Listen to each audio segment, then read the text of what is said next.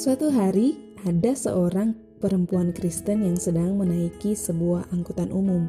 Di dekatnya ada seorang ibu yang tidak memiliki cukup uang untuk membayar angkutan tersebut.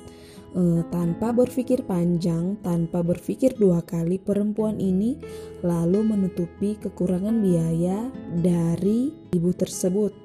Sopir yang mengendarai kendaraan tersebut lalu bertanya kepada perempuan ini, Apakah Anda orang Kristen? Perempuan ini lalu turun dari kendaraan tersebut dan menanggapi sopir ini hanya dengan senyumannya saja. Dari kisah ini, kita bisa belajar bahwa pelayanan bukan datang ketika kita melayani di mimbar saja, di peribaratan saja, tetapi mimbar kita yang sebenarnya sebagai orang Kristen adalah cara hidup kita sehari-hari. Jadilah terang, jadilah berkat bahkan jadilah saksi Tuhan di mana pun kita berada lewat kehidupan kita. Terima kasih telah mendengarkan podcast yang singkat dari House of Prayer. Kiranya Tuhan Yesus selalu memberkati kita semua. Haleluya.